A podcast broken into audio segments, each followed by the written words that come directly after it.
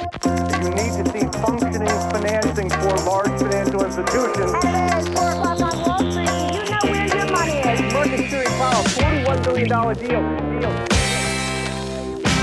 Dags för ett nytt avsnitt av Investerarens podcast. Det är den 5 oktober, tisdag den 5 oktober när det här spelas in. Och förra veckan vart en ganska sur karamell får man väl ändå säga. Börsen ner 2,55. Vi tog hissen rakt ner i källaren för OMXS30. Vilket också innebär att vi nu haft fem negativa veckor i rad. Det här är alltså lika många negativa veckor som under coronakraschen i fjol. Då var nedgången desto större. Men det till trots, förutom att titta på hur långt ner vi tog hissen, alltså till vilken eh, källarvåning, så är det lika många veckor av negativitet. Det här är andra gången på fem år som index har backat fem veckor i rad. Naturligtvis så beror det ju på hur pass mycket den faller under varje enskild vecka, men det är ändå inte jättevanligt. Så att andra gången på fem år, vi får se om det är här för att stanna. Vi har ju ändå börjat den här veckan lite bättre ändå. Det är inte kvicksand eh, riktigt längre, men, men vi får se. Vi är väldigt nära korrektionsfas också. Vi är mindre, eller har varit nu under den här veckan, mindre än 1% ifrån eh, korrektionsfasen då. De aktierna som fick flest nya ägare bland våra avansianer under förra veckan var Gores Guggenheim, den amerikanska spacken som har bekräftat att de hjälper Polestar till börsen. De rullar alltså ut den röda mattan för Polestar, denna utvecklare av elbilar som ägs av Volvo Cars och Geely. Vän av ordning vet ju att Geely äger Volvo Cars, är storägare i Volvo Cars också så att eh, ja, de sitter med i samma båt allihopa, både Polestar och Volvo Cars och Geely då. Men de här väljer att gå till börsen via en SPAC. Varför man väljer det sättet? Jag vet inte. Men det var en rusning till, ehm, till den här spacken i alla fall bland våra avansianer. Ehm, helt enkelt från väldigt låga nivåer, ett hundratal till nu ett, eh, några tusen som har valt att eh, hoppa på tåget. Sen har vi H&M på plats nummer två, Investor B på plats nummer tre, nynoteringen C-Tech med Latour som största ägare på plats nummer fyra och på plats nummer fem har vi gamingbolaget Embracer med Lars Wingefors i spetsen som har haft ett ganska motigt år. Är ner ganska mycket sen högsta nivåer, även Paradox är ner mycket. Vi har också utmaningar när det kommer till Take-Two Interactive som sköt på GTA. Vi har utmaningar med Activision Blizzard som har varit i hetluften på grund av sin företagskultur. Um, och där har vi sett svenska exempel också och sen har vi sist men inte minst Electronic Arts som har skjutit på titlar, exempelvis nya Battlefield då. Så att det har varit lite mer av en våt filt över gamingsektorn och vi har också sett Kina och deras utspel mot, eh, mot gaming då. Även om eh, de vill ju kunna styra dels vad människor spelar, när de spelar och hur historieberättelsen är i spelarna. Men man har ju också kunnat spela internationella titlar kanske med någon form av VPN eller på, på något sätt att liksom kunna lösa det här så att säga. Men här har man slagit ner ganska hårt. Och det har eh, lagt sig lite grann som en våt filt över gamingbolagen eh, också får man, väl, får man väl säga. Men Polestar då kommer till amerikanska Nasdaq genom sammanslagningen då med, med SPAC-bolaget Gors Guggenheim och siktar på en eh, värdering på omkring 20 miljarder dollar.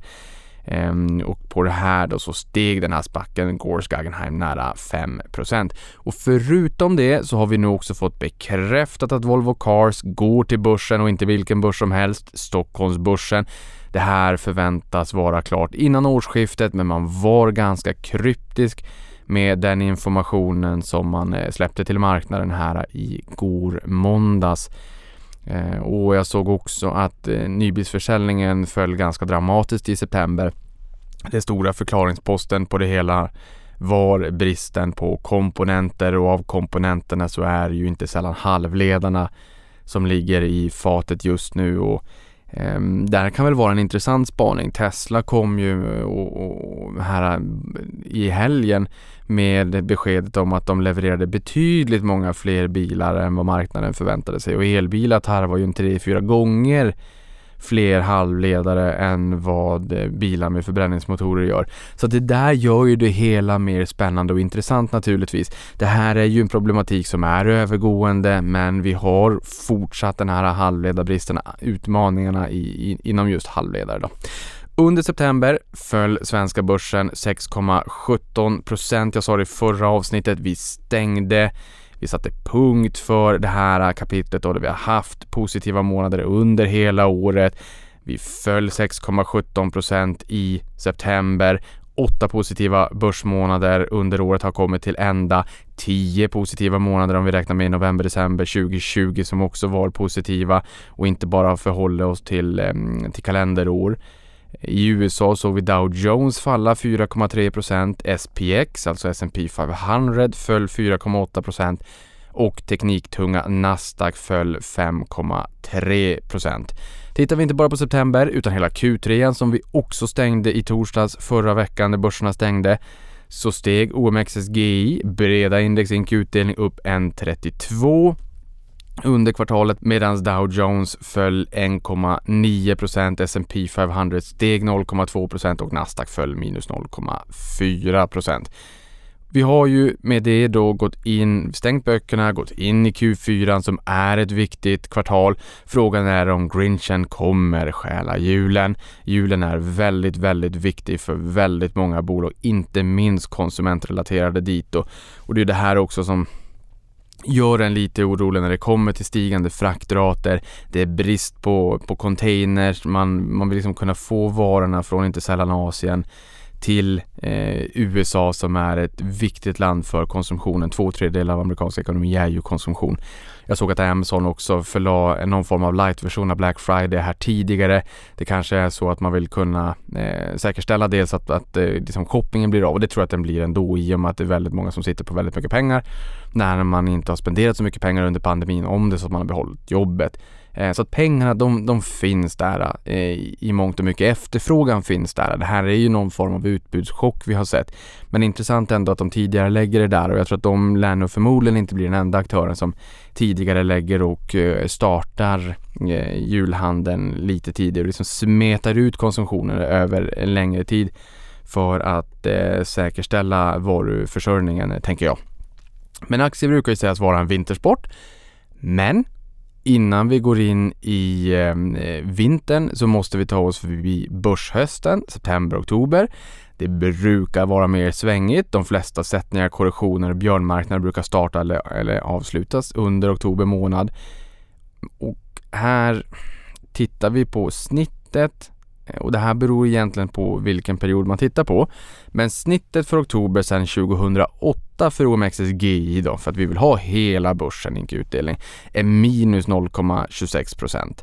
Men november, där ser vi att snittsiffran är 1,55 procent och december 1,09 procent. Vän av ordning vet dock naturligtvis att det här beror på när man börjar mäta. Ni kommer ihåg att det var ganska stökigt i oktober 2008. Det var också den 27 oktober 2008 som börsen bottnade under finanskrisen. Så om vi nöjer oss med de senaste 10 åren, då slipper vi oktober 2008. Då föll börsen 17,9% isolerat under den månaden. Det var väldigt, väldigt eh, dramatiskt får man säga. Då blir snittet istället plus 0,96% för oktober de senaste tio åren. För november är siffran 2,08 och för december är siffran 0,27 istället för 1,09 då när man blickar bak till 2008. Så där fick man ju en viss del av återhämtningen som pushade upp avkastningen för december. Ehm, så att eh, det behöver inte vara så att eh, oktober behöver bli en jättedålig månad. Det som ligger i fatet här det är, liksom, det är tuffare, ett tuffare kvartal. Det är mycket motvind just nu. Det är många faktorer som talar emot en, en fortsatt kraftfull återöppning av, av ekonomierna. Det här har vi pratat om så många gånger och dessutom ska vi också komma ihåg vart vi kommer ifrån. Eh, börsen har stigit väldigt mycket det här året. Ehm, jag hoppas att vi får en korrektion nu, bara så att vi får blåsa bort en, en del av excesserna och få, få börja om någonstans på våran fortsatta väg norrut eh, över tid, eh, tycker jag. Sen brukar man väl säga ingen regel utan undantag, så om jag liksom får fortsätta på det här förklaringsvärdet varför vissa siffror ser ut som de gör. Så tittar vi de senaste tio åren så såg vi att december blev en mer skral månad plus 0,27. Det är oftast där man väntar på tomterally. Det som har eh, dragit ner avkastningen där är väl Techfrossan då som slutade på självaste julafton 2018. 29 augusti 2018 ner till självaste julafton. Börsen är ju öppen i USA då.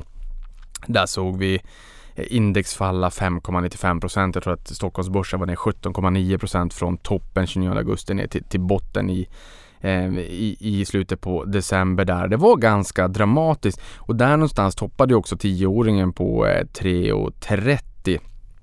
Det här är ju tema för nu också. Amerikansk tioåring låg på 1,20 när börsen toppade nu i augusti och nu handlas den till omkring 1,50 vilket ånyo sätter press på tillväxtaktier.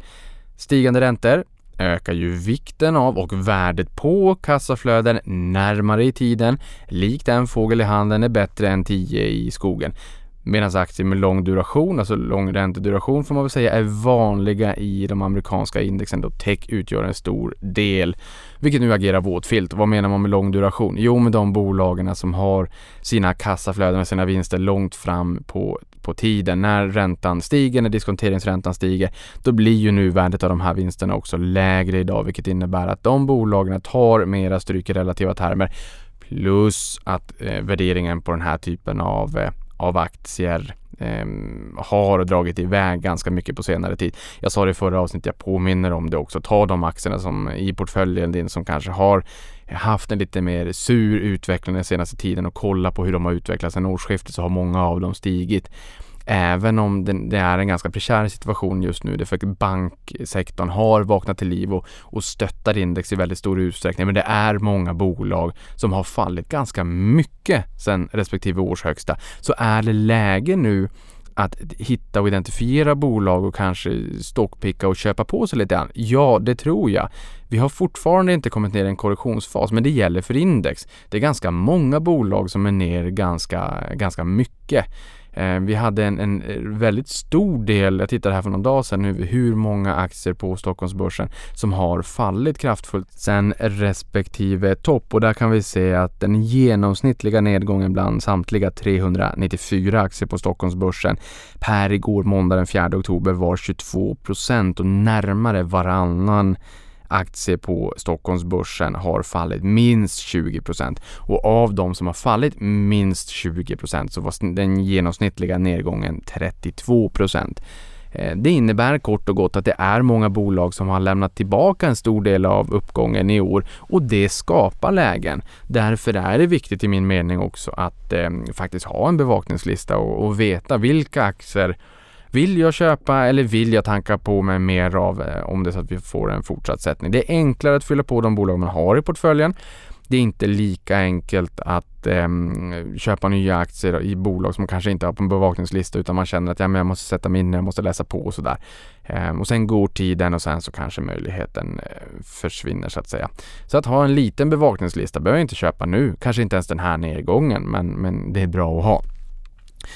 S&P 500 då, USA som påverkar i mångt och mycket sentimentet över världen. Där har vi sett en genomsnittlig uppgång på 3,9% under Q4 som också har stigit fyra av fem år sedan andra världskriget. Så ett ganska långt track record. Det har varit ett bra kvartal. Fyra av fem år har i snitt stigit sedan andra världskriget. Ehm, det näst bästa kvartalet är det första med en uppgång på 2,3% Då vänder man blad, det är ett nytt år, man kan vara optimistisk, man har råd att inte behöva skruva ner förväntningarna utan det tar man gärna kanske Q3, Q4 när man måste bli lite mera realist. Sämsta är det tredje kvartalet med en uppgång på plus 0,6% Det är kanske då analytikerkåren blir realister och inser att de måste skruva ner förväntningarna helt enkelt. Ingen skugga över dem. Det är ehm, väldigt, väldigt svårt att eh, att sia om hur bo bolagen ska utvecklas naturligtvis. Det här är ju ingen enkel uppgift som analytikerkåren har. Det, det får man ju komma ihåg och speciellt inte under pandemin. En viktig hållpunkt under den här veckan som kommer nu är Non-Farm Payroll där vi ser sysselsättningen utanför jordbrukssektorn och huruvida vi får mer information då Eh, och huruvida den stärks. Fed har ju sagt att den behöver se hygglig ut, inte ens bra utan ganska hygglig för att man i november kan börja fundera över att takta ner tillgångsköpen då på 120 miljarder dollar per månad, alltså tapering, där den skulle kunna vara utfasad vid halvårsskiftet 2022. Restriktioner är borta från 29 september. Vi var med några kollegor och käkade lunch på Nalen här i Stockholm. Det tog lång tid att få maten. Vi tror nästan man hade glömt bort oss. När vi fick maten så sa kyparen, jag ber om ursäkt, det var bara det att vi har haft ett stort sällskap, en stor konferens. Men nu så. Jag blir såklart jätteglad över det här och höra att det bubblar, det är konferenser, det är många som har hängt på låsen fick jag berättat för mig och jag frågade, hur är pulsen? pulsen är som sådan. Det är i princip omöjligt att få tag på en scen i Stockholm någon innan april 2022, vilket gör mig väldigt glad också. Det är uppenbarligen så att det bubblar. Vi har även sett resebolag säga att det har varit dramatiska uppgångar i förfrågningar, i bokningar, i tryck av att välja boka resor. Världen öppnar upp. Sen är det naturligtvis så att man ska öppna upp försiktigt, men någon gång så måste vi komma till en punkt där vi måste börja backa tillbaka eh, den det undantagstillstånd vi har levt i sedan i mars i fjol när man utlyste det här som global pandemi. Sen har vi noteringar också. Det har varit en del noteringar i år och i USA har 747 bolag noterats samtidigt som de har rest 240,7 miljarder dollar per 24 september enligt Dialogic. Och det här är tre gånger högre volym än samma period i fjol. Det är alltså många noteringar, de reser mycket kapital.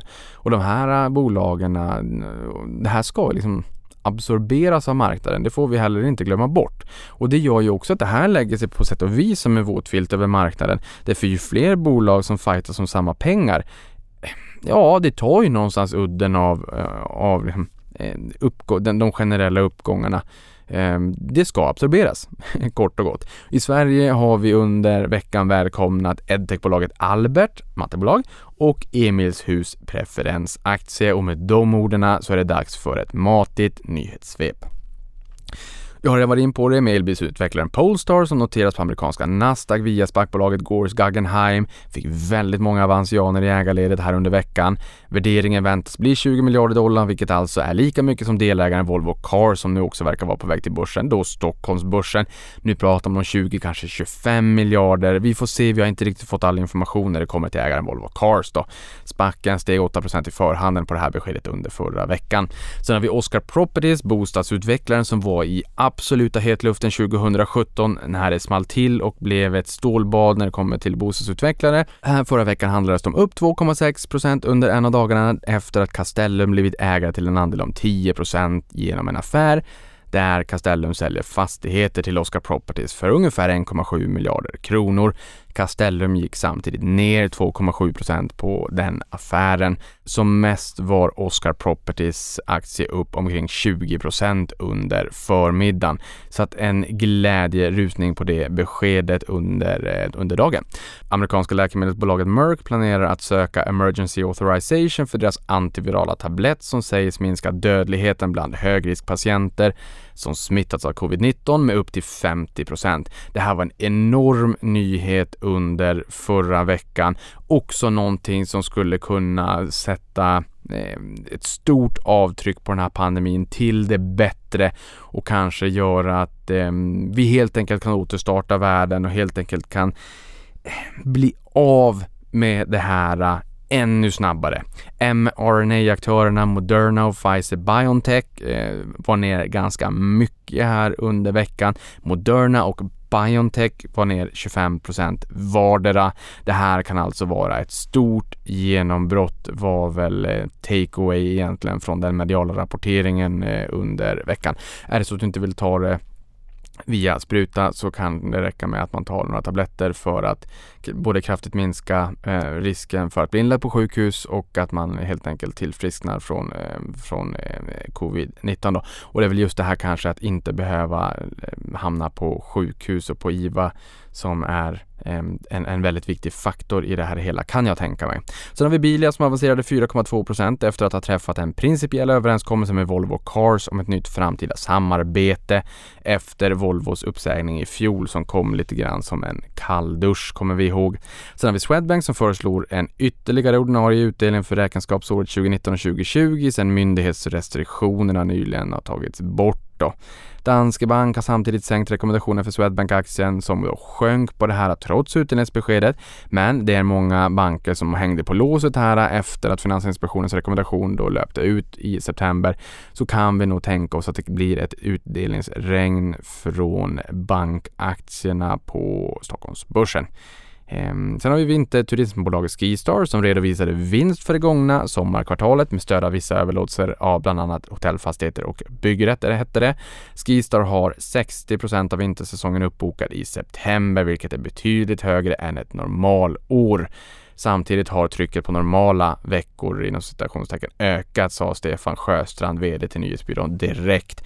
Det här är spännande att få den här återkopplingen i efterhand. Ni hörde ju VD Stefan Sjöstrand här för några månader sedan i podden också berätta om den här stora sommarsatsningen inte minst.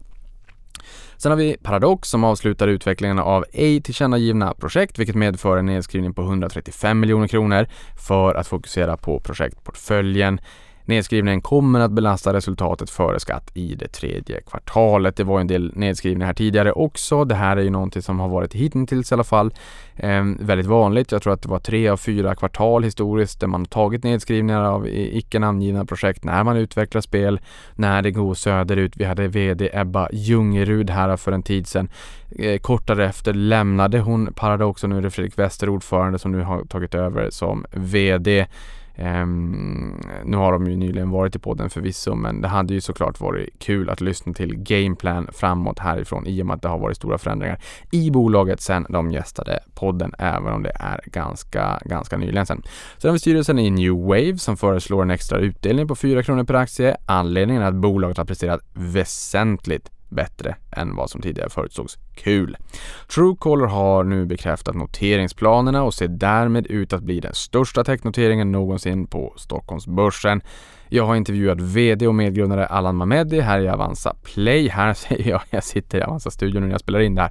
Ehm, och jag kommer, jag sa ju här i fredags när jag hade spelat in en intervju med ehm, Storskogen och Daniel Kaplan så sa jag att det här är en fredagskaramell, ni kanske får en lördagsgodis också om jag hinner spela in intervjun med Truecaller. Vi var tvungna att ställa in det med, med kort varsel. Vi spelade in det här i måndags, det vill säga igår den 4 oktober istället. Så jag kommer nog att eh, publicera Eh, den intervjun här i, i eh, podden också. Det är mycket bättre ljud eh, när jag poddar än i eh, det rörliga formatet. Ni, ni, som lyssnade på förra avsnittet vet vad jag menar. Vi får se om vi kan förbättra det över tid men det är väl kanske innehållet som är det intressanta så att jag bakar in den intervjun och kommer här under veckan att publicera en sån podd där du får lyssna, lyssna då till eh, VD och medgrundare Allan Mamedi berätta om Truecaller. Sen har vi Netflix och deras serie Squid Games som har blivit så populär att en telekomoperatör i Sydkorea nu stämmer om för den kraftiga ökningen i nättrafiken. De vill att Netflix är med och betalar en del av driftkostnaden. Vi kommer ihåg här när det var som jäkligast under pandemin också så ville Europa att Netflix sänkte kvaliteten på eh, sitt material för att rädda internet. Då har man blivit ganska dominerande. Serien ser ut att bli den eh, populäraste någonsin för Netflix och dessutom nyligen här så köpte de även spelutvecklaren Night School Studio Eh, i ett steg att diversifiera intäktsbasen och ge sig på spel, eh, vilket de har aviserat om tidigare och för första gången mig veterligen pratade om det också i eh, konfkålen och ehm, liksom i samband med, med, senaste rapporten. Sist men inte minst så har vi halvledarindustrin. Den eh, pratar vi ofta om. Det är halvledarbristen, men vi har ju ASML som är en viktig kritisk underleverantör till halvledarindustrin som höjer sin guidance för årlig försäljning. Nu ser de framför sig en kagger på 11% fram till 2030 tack vare en efterfrågeboom på halvledare och menar att eh, intäkterna tros landa på 24 till 30 miljarder euro till 2025 med en bruttomarginal på 55 procent jämfört med 15 till 24 miljarder euro och en marginal på 50 procent som var prognoserna tidigare. Och mer om ASML kan du höra om i avsnittet med Daniel här eh, om halvledare då. Nästan allt du behöver veta om halvledarindustrin. Kolla i min katalog, eh, några avsnitt bak så hittar du den. Fantastiskt avsnitt. Där får vi också lära oss oerhört mycket om ASML och varför de är en kritisk spelare som är totalt nödvändig när det kommer till att eh, tillverka de absolut mest senaste och mest avancerade halvledarchipperna i världen. Vilket inte är nice to have utan för väldigt många need to have, även om det inte är de chippen man ser i fordonsindustrin. Men samhället blir allt mer digitaliserat. Vi lever i en digital tidsålder. Har du inte lyssnat på det avsnittet, lyssna på det. Det är väl lyssningsvärt. Och med de orden, avkastning på dig, så hörs vi igen nästa vecka. Tack för att du lyssnade på det här.